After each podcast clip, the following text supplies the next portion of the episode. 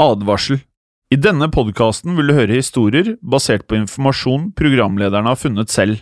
Programlederne står ikke nødvendigvis inne for meninger og syn som fremstilles. Noen påstander kan avvike fra virkeligheten.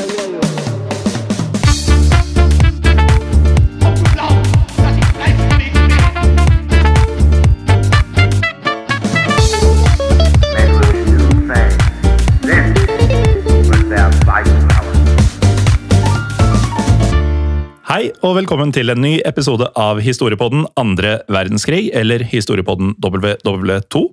Mitt navn er Morten Galaasen, Og mitt navn, Morten, er Jim Fosheim. og som vanlig så har vi ikke helt bestemt oss for hva podkasten egentlig heter. Jo, jeg føler det er ganske satt, jeg nå. Det er det. Ja, Vi tar ikke imot forslag lenger. Jo, jo, men jeg føler ikke at uh, hvis det kommer et forslag, så er det greit. Mm. Men uh, nå føler jeg vi har holdt på såpass lenge, og det har aldri vært noe i nærheten som er sånn, noen form for revolusjonerende Ingen aha-opplevelser i innboksen. Nei, og de fleste skriver bare 'det er bra som det er'.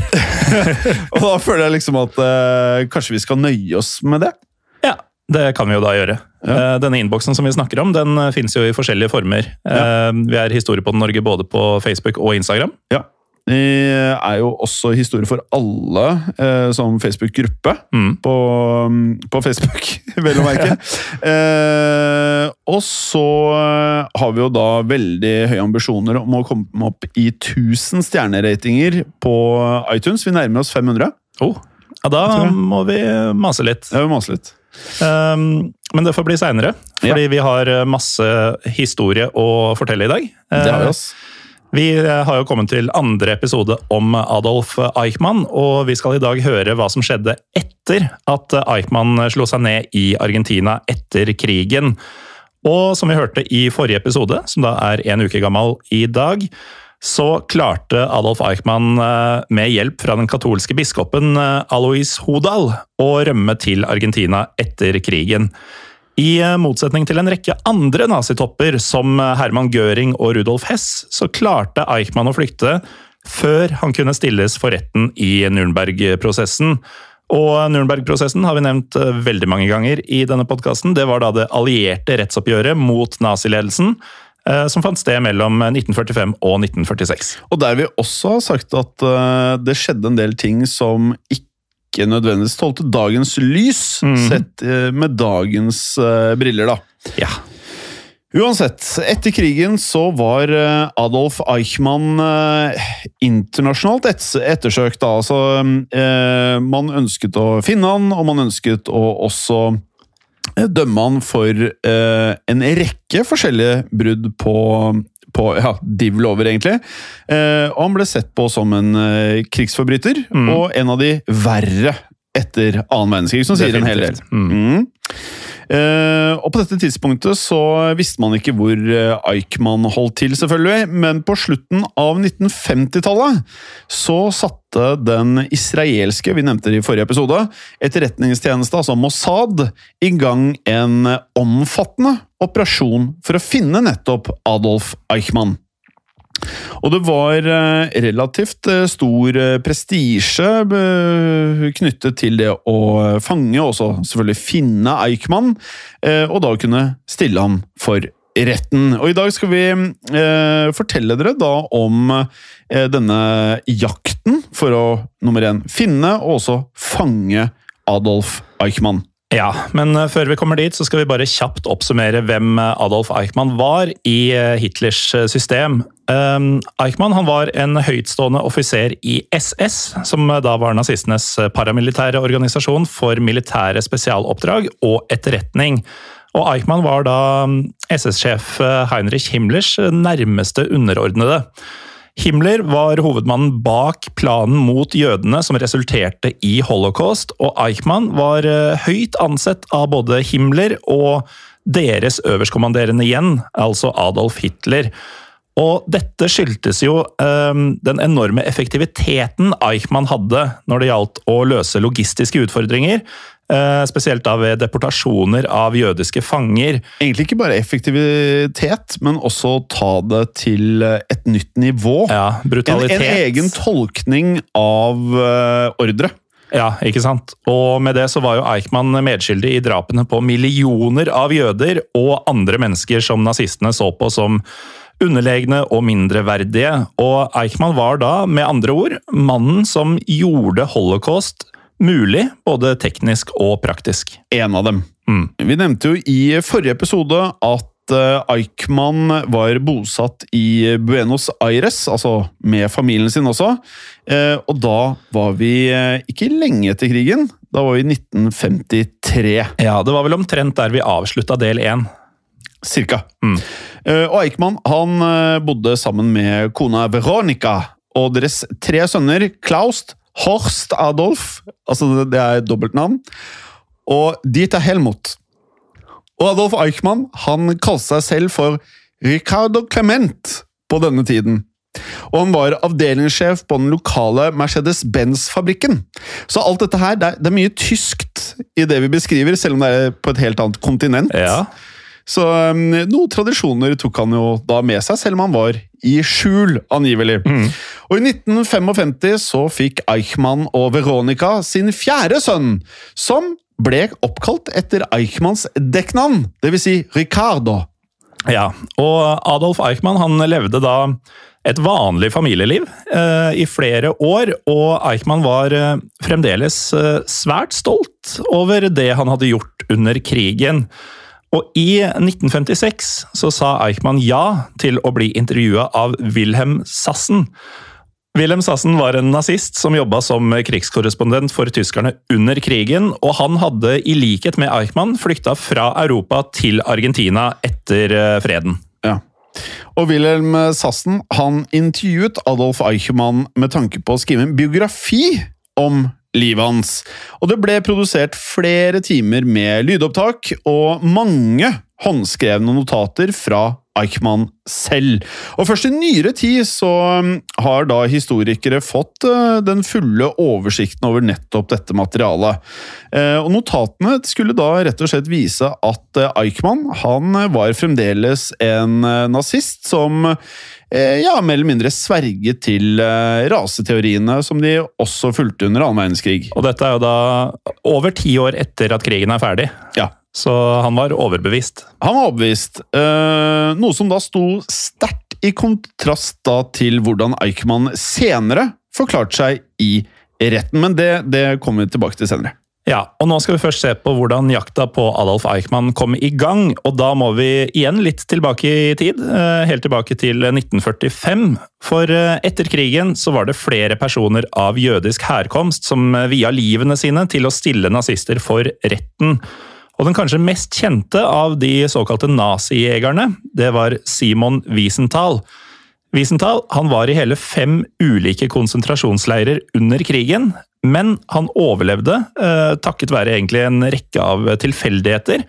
Og da han ble frigjort fra Mauthausen konsentrasjonsleir i mai 1945, så veide Wiesenthal kun 41 kilo. Eh, til sammen så mista Wiesenthal og kona til sammen 89 slektninger i holocaust.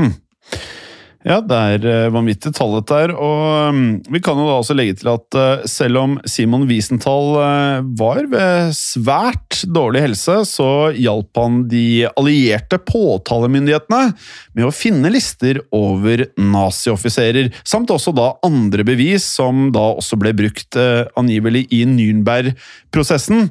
Og etter dette så ble de allierte langt mindre interessert i å finne eh, disse nazistene som var på rømmen.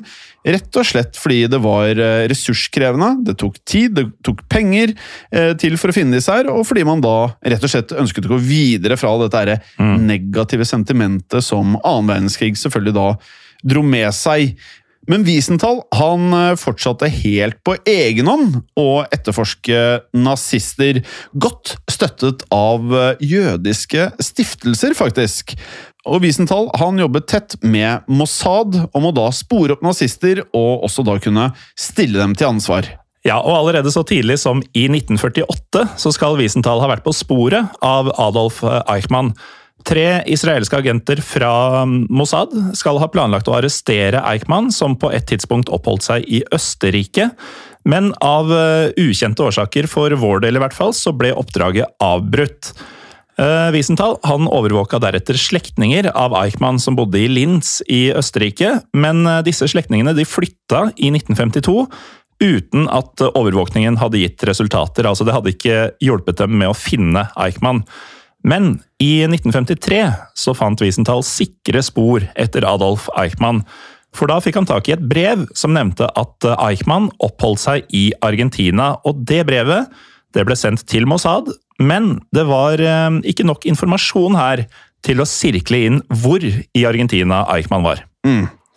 Eh, men når vi da spoler litt frem, ikke veldig lenge, men til 1956, så kom det et stort, stort gjennombrudd i saken. For eh, da fikk Eichmanns 20 år gamle sønn Klaus Klaus han fikk seg kjæreste, og kjæresten til Klaus het Sylvia Herman. Uh, Og egentlig så hadde Eichmann forbudt sønnene sine å snakke om verken politikk eller noe som omhandlet uh, politiske syn etter krigen, men en dag da Klaus og Sylvia var sammen, nevnte Klaus at faren var en offiser for tyskerne under krigen. Klaus fortalte også om farens uh, syn på også da jødene. Og denne informasjonen festa seg hos eh, Sylvia, spesielt fordi faren hennes var halvt jødisk. Sylvias far var Lothar Herman, og Lothar kom som tysk-jødisk flyktning til Argentina før andre verdenskrig grunnet jødeforfølgelser i Tyskland. Lothar hadde for øvrig en øyesykdom og var nesten blind, men i 1956 så fikk Lothar altså høre fra sin datter at Ricardo Clement, som jobba hos Mercedes-Benz, hadde vært SS-offiser under krigen, og dette skulle vise seg å være svært verdifulle opplysninger.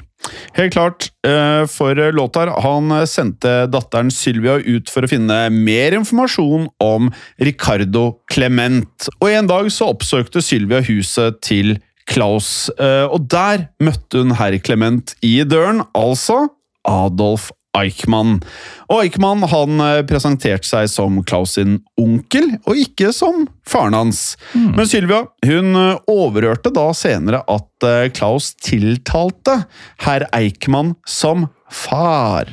Og Lothar Herman, altså Sylvias far, han gravde mer i saken og ble overbevist om at Ricardo Clement egentlig var ikke en hvilken som helst SS-offiser, men selveste Adolf Eichmann. Og Lothar han forsøkte da å varsle argentinske myndigheter om at eh, han hadde funnet eh, Eichmann, men ble ikke trodd av dem. Og det skulle ikke løsne før Lothar sendte et brev til en statsadvokat i Vest-Tyskland i 1957. Og statsadvokaten som mottok dette brevet, det var Fritz Baua. Og Baua han eh, fryktet at det fantes tyskere i statsapparatet som ville advare Eichmann. Og selv om da krigen var over, så var det nemlig mange mange mektige tyskere som eh, skjulte sine nazisympatier etter krigen. Og Vesttyske myndigheter de hadde heller ingen utleveringsavtale med Argentina, som var kjent for å ikke være spesielt samarbeidsvilje med utlevering av nazister. Det stemmer, for etter krigen så var Argentina styrt av president Juan Perón. Og Perón han beundret faktisk nazistenes ideologi, og ønska selv å gjøre Argentina til en totalitær stat under sin fulle kontroll. Og um, under Perons ledelse så ble Argentina da en trygg havn for um, ja, alle nazister på rømmen. Ja, og Opplysningene om Eichmann, som da befant seg i Argentina, måtte derfor holdes strengt eh, hemmelige. Og statsadvokat Fritz Bauer han sendte tipset fra Lothar Herman videre til Mossad. Og Det viser jo litt hvor lite han stolte på de tyske myndighetene i denne saken, da, når han sender informasjonen ut av landet til et annet lands etterretning. Ja, Så det man egentlig sier her, er at dette var eh, de eneste som Bauer eh, stolte på når det gjaldt eh, etterforskning av nazister. Og dette er jo ikke noe som jeg tror alle er klar over. Nei, i hvert fall ikke detaljene, men det at det å fange nazister på rømmen at det var en stor prioritet for Mossad, det tror jeg folk er klar over. Og de tok tipset på alvor. Det fantes imidlertid ingen nye bilder av Eichmann, og Mossad kunne ikke gjøre noe før de var sikre på identiteten. Men i 1960 så døde Adolf Eichmanns far, og da begravelsen nærma seg, så fikk den tidligere nevnte Simon Wiesenthal en idé. Han hadde nemlig hørt at eh, Eichmann var utseendemessig lik sin bror. Så Wiesenthal sendte privatdetektiver som fotograferte Eichmanns bror i farens begravelse. Ja, og nettopp disse bildene hjalp Mossad med å finne Eichmann. Og bare én måned etter at Wiesenthal overrakte bildene til Mossad, så var det en Mossad-agent, Svi Aharoni, han var mannen som da ble eh, utpekt til å dra til Buenos Aires. Og der tok Svi Aroni de første nye bildene av Adolf Eichmann siden krigen. Og Mossad var nå sikre i sin sak på at eh, Ricardo Clement var Adolf Eichmann. Eh, lederen for Mossad, som da het Isar Harel, eh, han satte sammen en elitegruppe som da skulle utføre dette høyt ansette og svært viktige eh, arrestaksjonen. Og Planen var rett og slett å arrestere Eichmann i Argentina, for deretter å bringe ham tilbake til Israel, hvor da rettssaken skulle finne sted. Ja, og Man hører jo kanskje allerede konturene av at dette ikke er så lett, eh, for dette var jo en politisk betent sak, eh, ettersom den brøt med internasjonale konvensjoner. For egentlig så var det sånn at Israel måtte be Argentina om utlevering av Eichmann, men eh, som du nevnte tidligere i Stajim, eh, Argentina hadde tidligere vist seg lite samarbeidsvilje, sånn, så folk visste at det var nytteløst. Så hemmeligholdet rundt aksjonen var derfor så stort at verken Israels ambassade i Argentina eller argentinske myndigheter fikk vite hva som skulle skje. Uh, Mossad-sjef Harel han mente oppdraget var så viktig at det ikke tålte noen risiko. Og Han ildna da opp resten av elitegruppa med å si at de skal ta mannen som har vårt folks blod på sine hender. Og Flere av agentene var jo selv ofre for Eichmann ved at de hadde mistet familiene sine i holocaust. Skal ta mannen som har vårt folks blod på sine hender. Det er jo nettopp Det er godt sagt. Ja, og jeg tror det motiverte dem ganske bra. Mm. Så dette var nok eh, noe av det mest prestisjetunge man eh, har gjort, kanskje, i etterkrigstiden. Mm. Eh, Isar Harel og da ni andre Mossad-agenter reiste så omsider til Argentina, og da var vi kommet til april 1960, for å da rett og slett forberede det som måtte til før aksjonen skulle finne sted. Um, og som man da forstår, alle disse her reiste jo da under falske pass. Mm. Og Agentene de stasjonerte seg i flere ulike leiligheter, men eh, de brukte et stort avsidesliggende hus som et eh, hovedkvarter. Og dette huset, Morten, fikk navnet Tira, mm. som da betyr palass på hebraisk.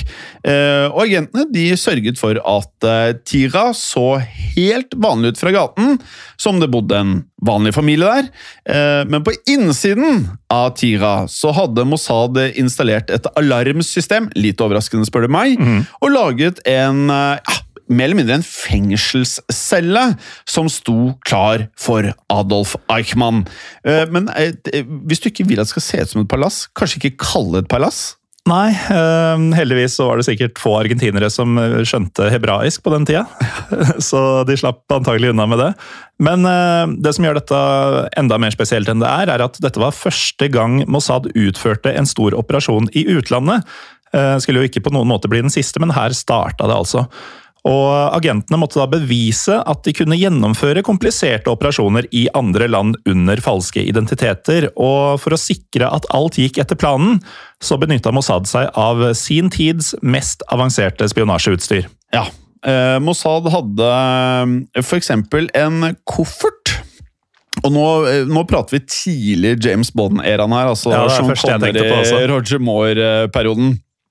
For de hadde en koffert eh, som da var utstyrt med et eh, skjult kamera. Som da var nettopp dette kameraet som da tok det vi nevnte, da, altså det første bildet av Eichmann i Buenos Aires.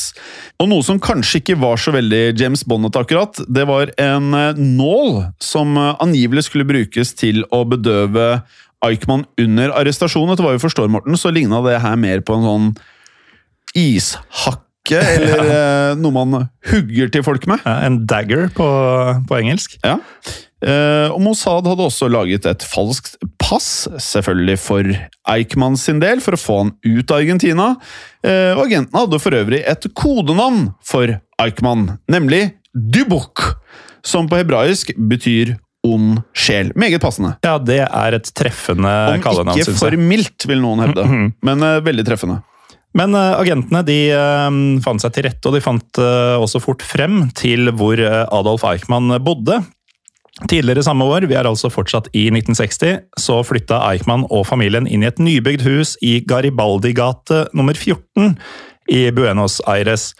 Og Eichmann hadde bygget et lite og ganske anonymt hus av murstein, som så mest ut som en slags bunker.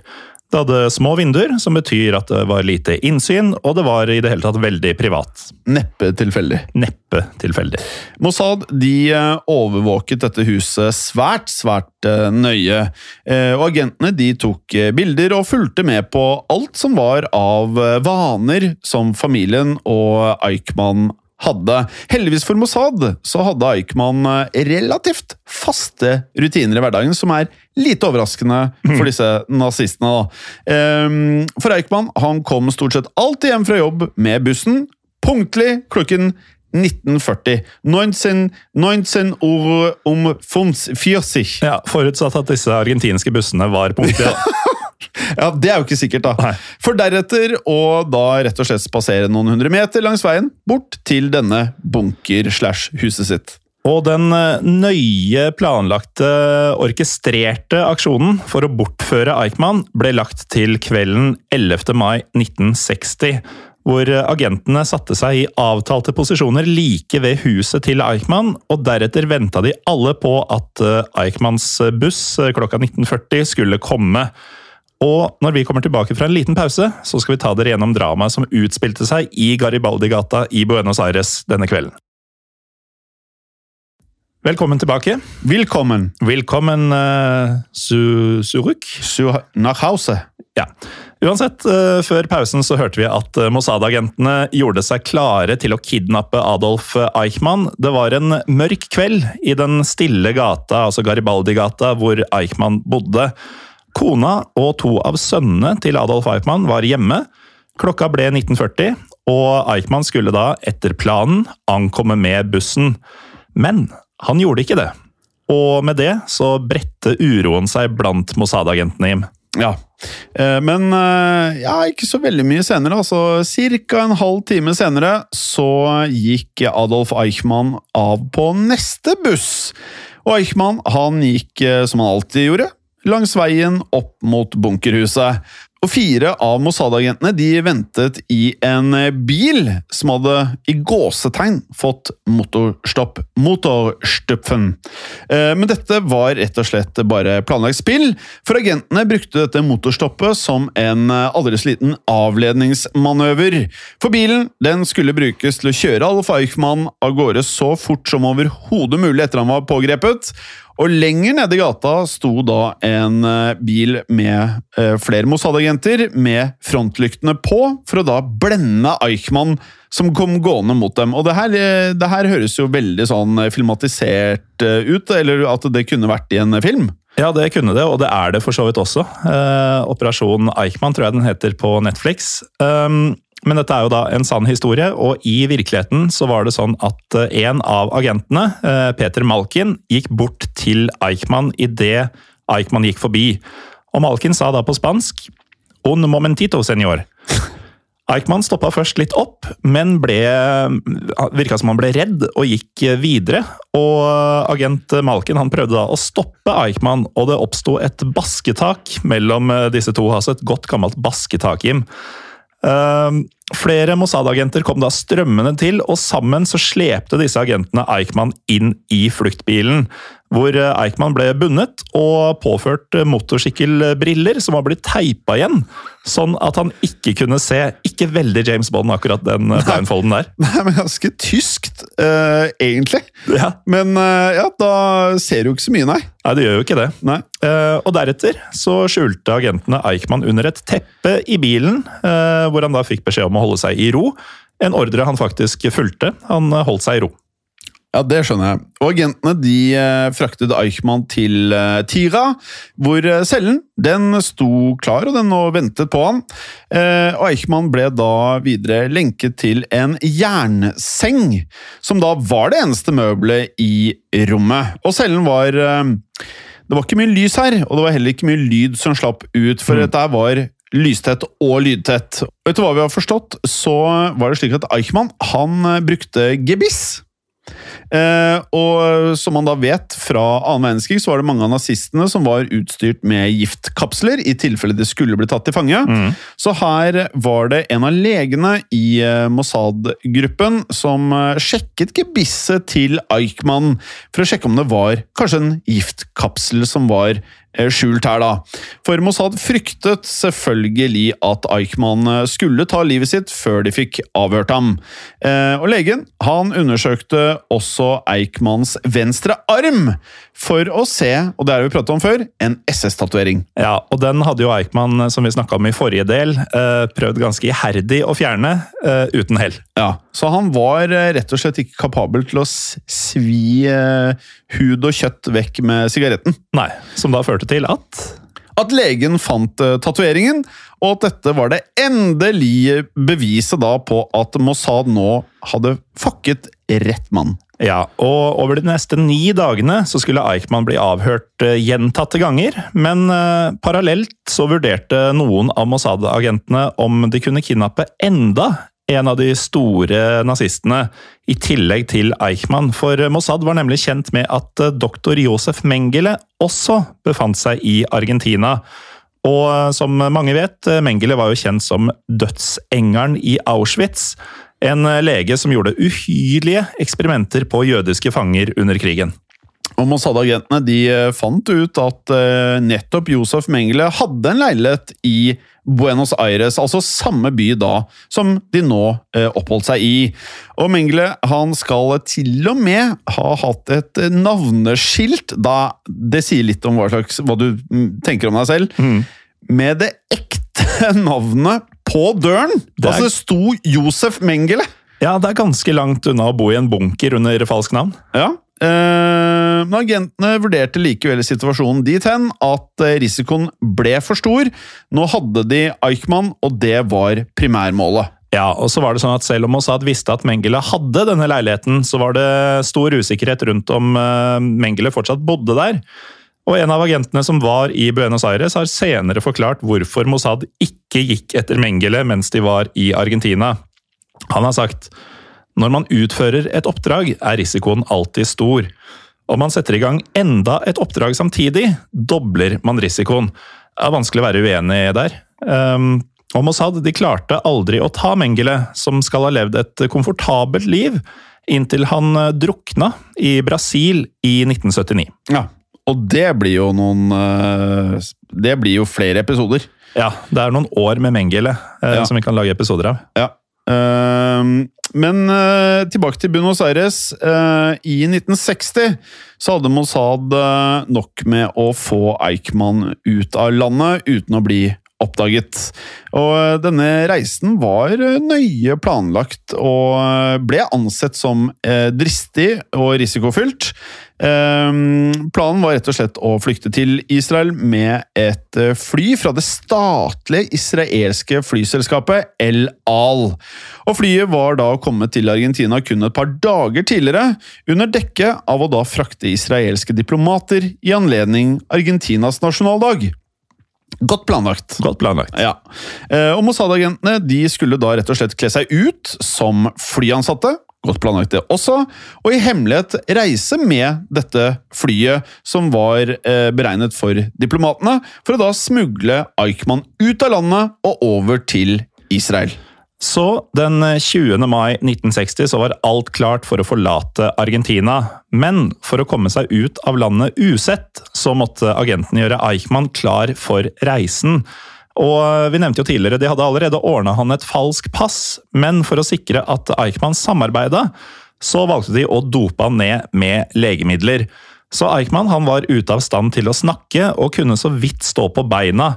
Så agentene de hjalp ham ut av huset, inn i bilen og ut til flyplassen. Jeg tenker med en gang kloroform, jeg nå. Jeg også tenker det. Ja.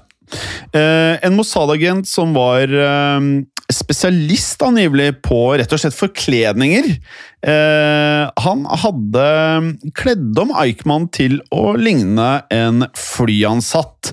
For Eichmann han skal da, etter hva jeg har forstått, fått sminke. Han hadde fått falsk bart, og han hadde fått på seg uniform.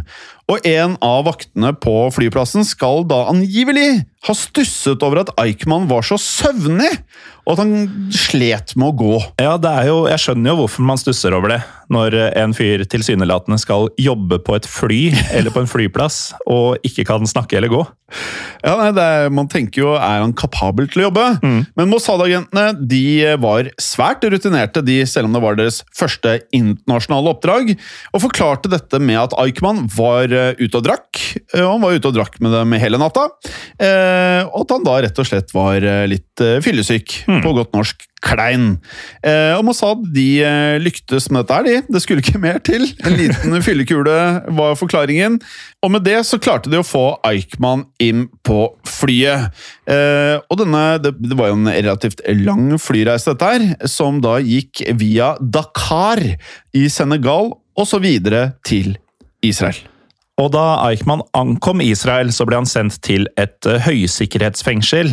Og der satt Eichmann i ni måneder før rettssaken mot han starta. Eh, De tok seg eh, med andre ord ganske god tid med å samle inn beviser i denne saken. Og det kan man forstå. Det er fullt forståelig. Under avhør i fengselet så hevda Eichmann at han ikke var antisemitt. Og en antisemitt er jo da en som kort fortalt er eh, imot jødedom og jøder. Um, Eichmann mente at alle turene han hadde tatt til Israel før krigen, var bevis for hans nøytrale holdninger til eh, jødedommen. Men det Eichmann ikke nevnte, var at han hadde dratt til Palestina og Israel for å vurdere hvorvidt det var mulig å deportere jødene dit. All interesse Eichmann hadde vist for jødene, var knytta til hans arbeid i den såkalte jødeenheten i eh, SD, altså Sikkerhetsdienst, Sikkerhetsdienst. som da var etterretningsavdelinga i SS. Ja, og som vi da var innom i forrige episode, så var Eichmann eh, blant andre nazister regnet som eh, ja, en ekspert, kanskje den fremste eksperten på jøder og jødedom. Eh, og det var slik Eichmann gjorde seg bemerket, som vi husker, innad i eh, nazipartiet før annen verdenskrig. Ja, Så han brukte det da for å bli en stjerne innad i nazipartiet den veien, og i avhør nå så brukte Eichmann sin kunnskap om jødedommen til å argumentere for at han ikke hata jødene. Eh, Eichmann fortalte at han abonnerte på jødiske tidsskrifter og hadde kjøpt jødiske ja, altså oppslagsverk og leksikon, eh, encyklopedier om du vil. Eh, videre så hevdet Eichmann å ha lest bøker av jødiske forfattere, men også at han aldri hadde lest Adolf Hitlers Mein Kampf fra perm til perm. Nesten et år etter bortføringen ble rettssaken mot Adolf Eichmann satt i gang i Jerusalem, og nå er vi kommet til april 1961. Og rettssaken, Morten, den var ansett som kontroversiell, den. Mm. fordi Israel da tvang gjennom at eh, Eichmann skulle stilles for retten i nettopp Israel. Og mange mente da at det var eh, langt mer passende å stille Eichmann for en internasjonal rett, og ikke Israel. Og det er jo eh, forståelig med tanke på at det var det Nürnberg-prosessen var Mm. for de andre nazistene. Ja, bortsett fra Nürnberg-prosessen eh, Ja, det skal vi gå inn i en annen episode. Det er noe av det mest provoserende med mye av det vi skal prate om i etterkrigstiden. Eh, det var ikke alt som gikk rettferdig for seg der. Eh, og så vet vi jo da at mange Vi nevnte jo tidligere i episoden. Mange ga opp å lete etter nazistene. Så eh, men uansett, rettssaken den gikk likevel som planlagt, og den ble avholdt i Jerusalem. Og varte pluss-minus i fire måneder. Eh, 750 tilhørere var til stede, og hørte Eichmann forklare seg, i tillegg til 100 vitner som da avla vitnemål. Og rettssaken ble sendt på, faktisk på internasjonal TV, og var en stor mediebegivenhet i 1961, hvor da millioner av seere fikk med seg disse vitnemålene fra mennesker som hadde overlevd holocaust. Ja, og øh, vi pratet vel i episode 1 om at det finnes en Hvis vi ikke gjorde det, så nevner vi det nå. At det er en eh, dokumentar om Adolf Eichmann på Netflix. Og det eksisterer flere av disse. Eh, eller det er vel ikke en dokumentar, det er vel en eh, eh, Det er bare en film om historien om eh, Den jeg nevnte i sted? Ja, den jeg nevnte i sted. Men det eksisterer også en dokumentar om dette. Og der husker jeg bet meg fast i at det var et voldsomt høyt tall eh, som ble beskrevet av hvor mange som så dette live. Mm. Eh, vi har ikke klart å finne det ved å lete frem selv, men det var et høyt, høyt antall mennesker som fulgte med live, altså. Ja, så Når vi sier millioner av mennesker, så er det mange millioner av mennesker som så dette. Um, og På denne måten så bidro også rettssaken til å gi verdens befolkning mer kunnskap og bedre forståelse av holocaust. Og rettssaken uh, ligger faktisk i sin helhet ute på YouTube dersom man ønsker å se denne. Og Eichmann han skal uh, i disse videoene, uh, i hvert fall tilsynelatende, virke rolig og saklig i forklaringene sine. Og Eichmann han satt bak et skuddsikkert glass, sikkert smart hvis du ønsket mm. å holde han levende i denne prosessen, og skal ha holdt seg til forklaringene som han har hatt hele veien om at han ikke var en antisemitt. Mm. Eh, men det var heller ingen anger å spore i Eichmanns forklaring, og han forsøkte videre å lyve om eh, motivene sine. Og Eichmann han hevdet at han eh, selv var et offer, eh, som er ganske vanvittig. Han var et offer for eh, nazismen eh, og nazistene, fordi nazistene da hadde utnyttet Eichmanns lydige personlighet til å utføre sine forbrytelser, som er bare sprøyt, ut ifra hva vi har lært han å kjenne. Ja, eh, men her er det jo også en delvis tilståelse, da, fordi han tross alt eh, går med på at jo da, han hadde utført forbrytelser. Og når det gjaldt massedrapene på jødene, så prøvde Eichmann da å vri på sannheten. Eh, han fremstilte seg da som denne pliktoppfyllende byråkraten som bare utførte sine tildelte oppgaver. Mm. Og Eichmann hevda da i sin forklaring at han kun var en kontorarbeider som fulgte ordre. Da ble Eichmann konfrontert av Gideon Hausner, som da var aktor i denne saken, som spurte var du en uh, Obersturmbannführer eller en uh, byråmedkjen. Uh, og det er da henholdsvis en overstormenhetsfører eller kontorpike. ja. Og uh, som eh, vi vet, så var jo uh, var jo Eichmanns høyeste rang i tiden i SS, og aktor Hausner han hadde både dokumenter og vitner som beviste at Eichmann var en sentral beslutningstaker i jødedeportasjonene, altså ikke en vanlig kontorpike. Så ikke en byråmedkjenn? Nei. Nei. Eichmann fraskrev seg alt ansvar for massedrap på jøder, og sa at han var en mann som ikke kunne lyve. Og Eichmann han prøvde å skjule sin aktive rolle i folkemordet, og hevdet at han bare var ansvarlig for transport og logistikk, og da ikke noen form for drap. Og Eichmann fortalte om hvordan han reagerte da han under krigen hørte om gassingen av jødene. Eichmann hevda da at han ble sjokkert, og sa følgende i retten. Jeg ble forferdet. Nervene mine er ikke sterke nok. Jeg kan ikke lytte til slike ting uten at de påvirker meg. Ja, og det her er jo ikke akkurat sånn vi kjenner ham. Det er ikke sånn vi har lært han å kjenne. Nei.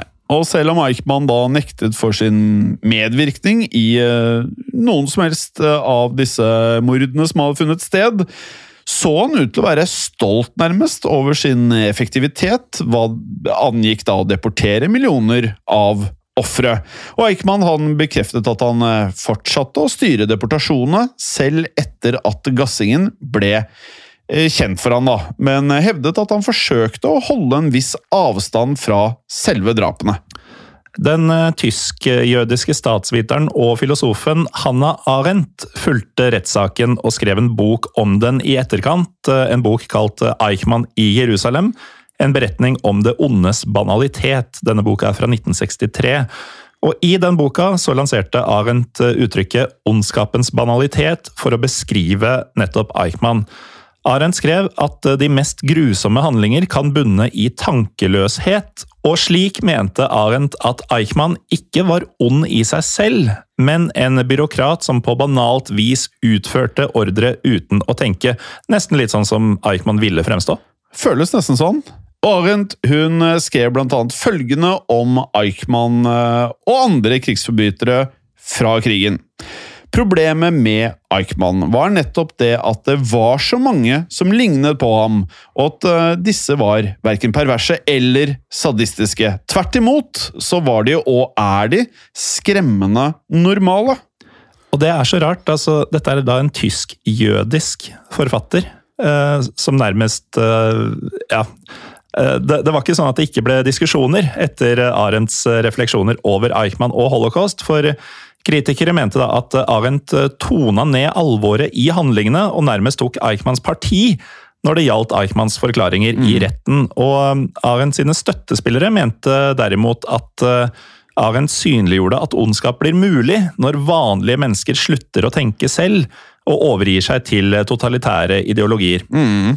Og selv om Eichmanns eh, motiver eh, ble en form for gjenstand da for diskusjon, var det uansett eh, svært liten tvil om at Adolf Eichmann hadde sterke antijødiske holdninger.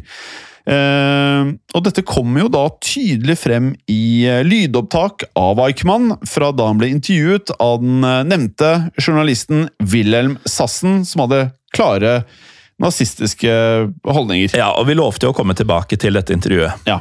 For i opptakene fra da, må vi tilbake i tid, 1950-årene, så sa Adolf Eichmann at han angret på at han ikke fikk fullført arbeidet med å utslette Europas jøder. Han sier 'vi kunne ha gjort mer'. Det er ganske annerledes fra den han portretterer seg i denne rettssalen. Ja, ganske slående bevis. Og Eichmann han skrøt eh, også av sitt eget møysommelige arbeid med planleggingen av dette folkemordet som fant sted. Ja, og dommen mot Eichmann den ble avsagt i desember i 1961. Eichmann ble kjent skyldig på alle 15 tiltalepunkter, som gjaldt forbrytelser både mot det jødiske folk og mot menneskeheten. Og dommen besto av intet mindre enn 244 avsnitt, og det krevde fem rettsmøter, fordelt over to dager, for å lese opp hele dommen. Eichmann ble dømt til døden ved henging, og valgte da å anke til israelsk høyesterett, men fikk ikke medhold. Eichmann skal ha vært overraska over dommen, og skal ha sagt følgende til advokatene sine. Jeg hadde virkelig ikke gjettet at de ville tro så lite på meg.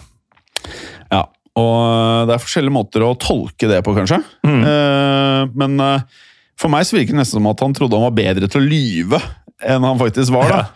Eh, Eichmann han eh, tilbrakte sine siste dager i eh, fengselet, som var i byen Ramla i Israel. Og Eichmanns kone Veronica skal ha fått lov til å besøke ham i april 1962. Og dette møtet varte ca. halvannen time, men det er noe uvisst hva, hva, som ble sagt i dette møtet, hva, hva Veronica og, og, Adolf pratet om. Eh, og dette var da aller siste gang Eichmann og Veronica møttes, selvfølgelig. Og den 1. juni 1962 ble Adolf Eichmann hengt i fengselet. Og På forhånd så hadde Eichmann bedt om en flaske rødvin, som han da kun drakk halve flasken av. Eh, og Adolf Eichmann skal ha blitt eh, kremert etter henrettelsen, og asken skal ha blitt spredt i Middelhavet. Eh, og Eichmanns henrettelse var kun den andre og foreløpig siste juridiske henrettelsen i staten Israels historie. Ja, det er en kort liste bestående av Eichmann og uh, den første som fikk dødsstraff i Israel, som da var militæroffiseren Meir Tobianski, som ble dømt for forræderi under den arabisk-israelske krig noen år tidligere, i 1948. Mm. Altså, når det er en annen som da føles å være på i, de, i, de, i de, dette segmentet, da, med, med henrettelser sammen med Eichmann, så blir man jo spent på hvem denne Meyer Tobianski er. Jeg kjenner ikke så godt til ham, men det lukter egen episode en, ja, av vanlig historie på den, kanskje. Ja. Ja. Eichmanns kone Veronica måtte jo da selvfølgelig forlate Israel, og slo seg omsider ned i Tyskland. Og hun bodde i Berlin sammen med sin yngste sønn, som vi da husker, ble oppkalt etter Ricardo, som da het Ricardo Eichmann. Altså dekknavnet til Adolf Eichmann. Mm. Frem til hun døde i 1997. Og Ricardo Eichmann var eh, kun fem år da faren ble tatt med fra Buenos Aires. Og Ricardo han eh, lærte om eh, fortiden til, til faren, altså naziperioden i livet hans, kun fra bøker, så sent som i tenårene, og ble siden en svært sterk motstander av nazismen. Og Ricardo ble en anerkjent arkeolog, og lever fremdeles i dag. Og Ricardo han mener at eh, Adolf Eichmann fortjente dødsstraffen, og at Adolf Eichmann burde tatt personlig ansvar for det han da faktisk gjorde under annen verdenskrig. Så tenk deg du er fem år gammel, Jim, og faren din blir kidnappa av en annen stat og dømt til døden der. Og du lærer litt om faren din etter hvert som du blir eldre, og er helt enig med hva som skjedde. Ja, det er vanskelig da, å ikke være enig i at eh, han var ond, Ja. svært ond, og at han fortjente en uh, Ja, det er vanskelig å argumentere Men for din noe annet, egen men sønn ja, syns også det. det er heftig. Men eh, Adolf Eichmanns tre andre sønner, derimot, de forsvarte farens handlinger og hadde selv nazistiske holdninger. Uh, Eldstesønnen Klaus han flytta til Tyskland på 60-tallet, hvor han eh, levde et eh, stille og rolig, vanlig familieliv og døde i 2015 av Alzheimer. Den eh, mellomste sønnen, Horst, han ble værende i Argentina og jobba i et eh, flyttebyrå. Og han døde også i 2015 av eh, magekreft. Den nest yngste sønnen, Dieter, han pendla mellom Argentina og Tyskland med en jobb i byggebransjen, og Dieter han lever fremdeles og er bosatt i Buenos Aires. Ja. Og Lothar Herman, altså den blinde mannen i Argentina som da sendte det avgjørende tipset om Adolf Eichmann til vesttyske styresmakter, fikk en eh, pengesum, ukjent for oss hva den er på, i belønning av Israel i 1971. Og da var det gått 14 år siden Lothar sendte dette tipset her. Og Lothar Herman han døde tre år senere, i 1974. Interessen for Adolf Eichmann har jo vært enorm siden denne bortføringa i 1960 og rettssaken i 1961. Og altså selve Mossad-aksjonen og ikke minst rettssaken er blitt omtalt utallige ganger opp gjennom tidene. Det er faktisk blitt skrevet over 800 bøker om Eichmann, og da, som vi også har vært inne på, blitt laget flere filmer. Ja. Allerede i 1961 så kom den første filmen om eh, denne Mossad-operasjonen, kalt Operation Eichmann. Og det er jo ganske Det er tidlig. Det er, Det er altså tidlig. året etter at det skjedde. Ja, det er vel, Da er det ferskt. Mm. Eh, I 1979 kom en uh, ny film, The House of Garibaldi Street, som vi husker var gaten hvor Hvor Eichmann bodde i Buenos Aires. Riktig. Og mens to av de senere filmene er basert på selve biografien til eh, Peter Malkin, altså agenten som arresterte Eichmann. Først kom The Man Who Captured Eichmann i 1996, hvor Eichmann spilles av Robert Duvall, som da er fra Gudfaren-filmene, altså denne eh, sønnen til gudfaren som er tatt inn i familien. Eh, og den nyeste filmen er Operation Finale fra 2018. Og filmen tar for seg Mossads jakt på Eichmann, denne gangen spilt av sir Ben Kingsley. Ja, og det er da den filmen jeg nevnte i stad, som er på Netflix eh, også i disse dager. Jeg syns den er veldig bra. Den er veldig bra. Holdt på å si veldig fin, det er den jo ikke, men veldig bra. Veldig bra. Uh, og det er uh, slutten på vår episode om, eller vår dobbeltepisode om jakta på Adolf Eichmann og dommen som eh, fulgte. En eh, utrolig interessant eh, fortelling ja. hjem fra, fra både andre verdenskrig og tida etter andre verdenskrig, som vi også har fokus på i denne podkasten. Ja. Det er, det er nesten så interessant at eh, man får lyst til å lage en sånn egen sånn spesial på ti episoder bare om Adolf Eichmann. For er, man er jo egentlig litt lysten på å se enda nærmere på en så ond mann. Og hele den der operasjonen etterpå er sikkert masse informasjon som vi kan dykke videre ned i. Mm. Men i denne podkasten, altså historie på den andre verdenskrig, så har vi ikke tid til å, å gjøre absolutt alt av dypdykk. Men jeg syns vi har uh, fått en veldig fin gjennomgang.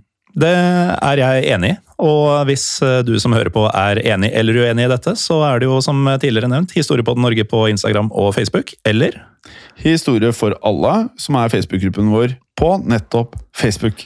Ja, og hvis du er enig med oss i at Ja. dette var eh, bra episoder, så gi oss gjerne fem stjerner i eh, Apple Podcaster, eller hva det nå heter, denne appen til Apple-brukere. Veldig bra. Jeg må faktisk si det var en ganske kul eh, kommentar fra en som da hadde ratet oss på iTunes. Og så kan man jo, for de av dere som kanskje ikke bruker Apple, så vet dere kanskje ikke akkurat hvordan dette er, og dere leser kanskje ikke dette her, men her hadde fer fermentert nepejus lagt igjen. Dette er enorme greier. Kose meg stort med podden. Jeg har hørt på historiepodden VV2 før, og jeg vil høre på historiepodden VV2 igjen og igjen. Og den liker jeg. Den liker jeg også. Og Ja. det at uh, vi kan lese opp nettopp din eh, rating eh, dersom du rater oss der, det har skjedd. Og det kan skje igjen. Ha bra. Ha det. I produksjon av Historiepodden så ønsker vi å takke Håkon Bråten for lyd og musikk. Takk til Felix Hernes for produksjon. Takk til Ellen Froktenestad for tekst og manus. Og takk til deg, Morten Galesen, for programlederrolle.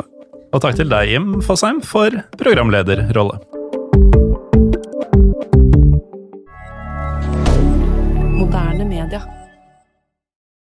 Kiwi er billigst i VGs matbørs og har vært billigst i fire av de fem siste VGs matbørser. Og nå presser vi prisene på frukt og grønnsaker. På 200 gram broccolini setter vi prisen til 24,90. På 400 gram Cevita blåbær setter vi prisen til 49,90. Og husk, alle Kiwi Pluss-kunder får i tillegg 15% trumfbonus på all fersk frukt og grønt. For det er vi som er prispresserne. Og vi i Kiwi gir oss aldri på pris.